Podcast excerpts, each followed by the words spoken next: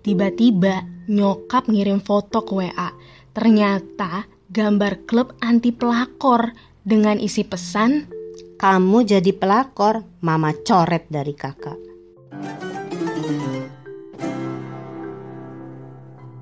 Annyeonghaseyo.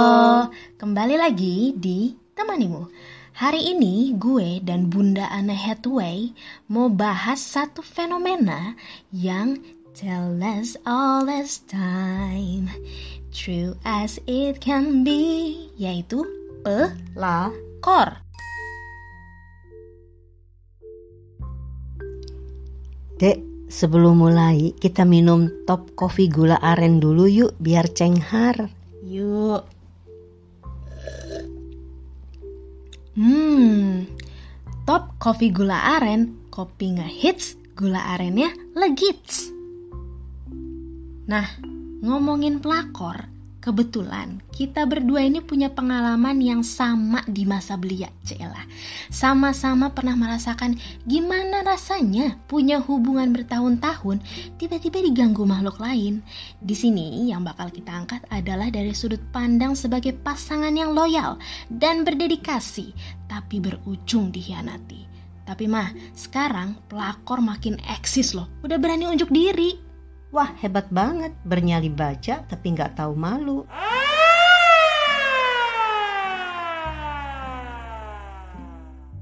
Seiring berkembangnya teknologi, strategi dan motif pelakor ini juga makin berinovasi, makin banyak ragamnya.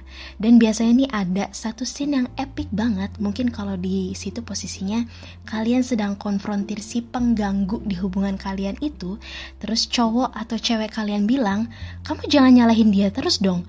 Ya bener sih, karena emang itu kesalahannya bukan cuma kesalahan si pelakor, tapi ya salah pasangan lo juga. Karena kalau gue punya prinsip, yang namanya hubungan nih, mau apa pun itu konteksnya, pacaran ataupun nikah, yang namanya gangguin hubungan orang itu ya nggak benar. Karena kan berarti tandanya pasangan lo juga udah mengkhianati kepercayaan dan udah nggak jujur lagi sama lo. Nah, makanya sekarang kita mau dengerin dulu nih versi cerita pelakor dari mama. Gimana mah ceritanya? Kalau mama pacarannya itu beda pulau, jadi LDR. Selama dua tahun cuma ketemu tiap tiga bulan sekali. Eh ternyata di sana ada calon pelakor yang diam-diam mengincar pacar mama. Karena mereka berdekatan, intens ketemu setiap hari, akhirnya menanglah si pelakor itu. Ada sedih, kecewa, marah, semua campur aduk jadi satu. Nah kalau kamu gimana? Kalau cerita aku, aku itu pacaran sama mantan selama dua kalinya pengalaman mama. Mengambil settingan dunia kerja dengan modus utama sebagai rekan kerja, tapi karena intuisi aku sebagai perempuan ini kuat mengatakan something isn't right dan aku juga sembari ngumpulin data-data untuk sebagai bukti, udah mencoba juga nih buat ngomong baik-baik sampai yang gak baik-baik sama mereka Ya meskipun at the end aku juga yang diputusin dengan alasan udah gak tahan sama sikap aku. Dan mereka pun bersatu dan berhasil menyingkirkanku. Kalau diceritain detailnya sih, wah epic lah.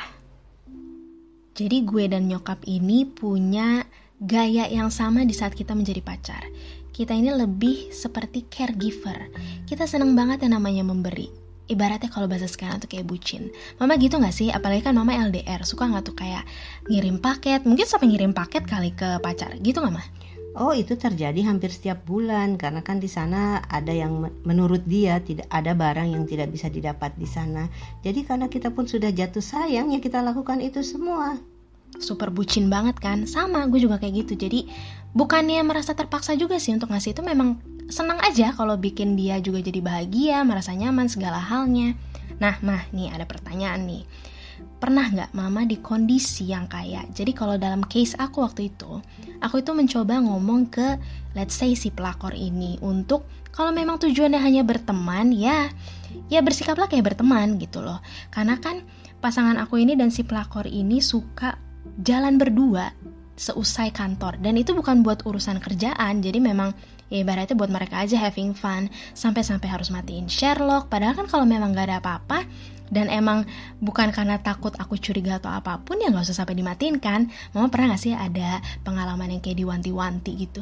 Oh pernah sayang. Karena begini kebetulan teman mama itu pasangannya adalah uh, suami yang suka genit-genit kepada perempuan apalagi ketika tahu bahwa perempuan itu belum menikah tapi karena mama memang bukan tipe perempuan yang kepengen digenitin atau segala macam jadi kita tahulah pakemnya kita yang menjauh. Karena kalau memang tidak punya maksud dan tujuan yang benar kita yang harus pandai-pandai menjaga diri jadi wajar ya mak kalau misalnya kita sesama perempuan tuh kayak ngomong heart to heart bilang kayak aduh boleh nggak sih kurangin deh intensitasnya? Itu wajar ya mak wajar lah apalagi dengan sesama teman ya. Kalau dia mengaku sebagai teman hal itu harus dilakukan. Jangan dong sampai ada kata-kata teman makan teman. FYI gue itu temenan sama si pelakor ini. Jadi ya hmm, I can feel lah I know how it feels deh pokoknya jadi, kalau kita kembali ke judul, masuk akal rasanya kalau mamah nih sangat mewanti-wanti gue untuk gak jadi pelakor. Karena memang lebih banyak nilai negatifnya dibanding positifnya. Biasanya nih ya, kalau pasangan kita udah selingkuh, itu sebenarnya kesalahannya gak cuma satu, bisa jadi banyak gitu loh, jadi bercabang. Ada yang bisa menjadi kecenderungan untuk melakukan kekerasan verbal ataupun non-verbal. Jadi gak hanya selingkuh aja kesalahan yang dia lakuin itu, itu kan bahaya banget. Di hubungan juga jadi gak sehat, jadi ya memang paling bener kalau udah ketahuan pasangan selingkuh ya. Kalau gak bisa diomongin baik-baik ya udah mending udahan aja sih. Paling penting adalah pokoknya jangan deh pernah mencoba untuk merusak hubungan orang karena kita nggak pernah tahu udah sejauh mana, sedalam apa hubungan mereka.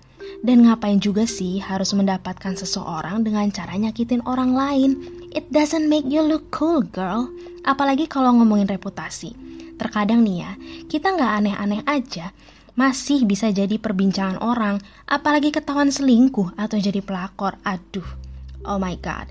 Biasanya kan aku cuma nonton di FTV nih fenomena tentang selingkuh-selingkuh. Pas ngerasainnya sendiri, ya emang rasanya senano-nano itu. Mama waktu itu nangis gak sih abis selesai putus? Ya pastilah nangis, sampai mata aja benjol-benjol, gak berani keluar kamar, malu hati, sedih, segala macam menjadi satu. Ya bisa dirasakan lah bagaimana rasanya jika kita kehilangan barang yang sudah kita miliki lama dan kita sayang. Dan yang kalau buat gue sih yang lebih ngenesnya adalah kenapa gue dulu sebucin dan sebodoh itu gitu loh. Kalau tahu ujung-ujungnya ya dihianatin juga. Aku juga sih sama kayak mama gitu sampai bintitan lah. Aduh, muka udah jelek banget ya pokoknya kalau nangis berhari-hari apalagi berbulan-bulan.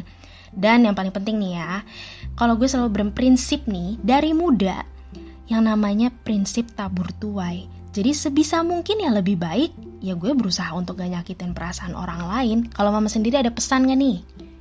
Pasti sayang, jelas pesan ini jelas untuk kamu. Jangan pernah jadi pelakor. Dan itu pun ditujukan kepada gadis-gadis muda di luar sana. Karena satu kali kalian mendapat sebutan pelakor sampai kapan pun julukan dan sebutan itu akan lengket terus dibawa jadi hati-hati saja ya Ya betul, stigmanya tuh di masyarakat juga masih lengket banget deh Pokoknya kalau udah sekali pelakor ya tetap pelakor. Udahlah, kita mah jaga nama baik aja. Gak apa-apa kalian baik-baik tapi disakitin daripada kita nyakitin orang lain Apalagi nyakitin orang lain tanpa sadar terus-terus-terus-terus Ya reputasi kita juga lama-lama gak bagus. Anyway, makasih banyak mama udah bergabung di podcast kali ini. Makasih banyak ya ma. Sama-sama sayang. Semoga di podcast kali ini ada pesan-pesan, ada info-info mungkin yang kalian juga pernah mengalami hal yang sama kayak kita bisa menjadi merasa kalian tidak sendiri dan pokoknya boleh kalian sedih sekarang tapi jangan lupa untuk bangkit lagi karena ya udah berlalu juga pertama dan kedua kalian harus bangkit untuk diri kalian sendiri buktikan kalau kalian masih bisa melakukan hal lain selepas hubungan yang sudah membuat kalian sedih-sedih itu. Pokoknya tetap happy, harus happy biar kita juga tetap sehat. So followers, have a good day, stay shining and healthy. Bye.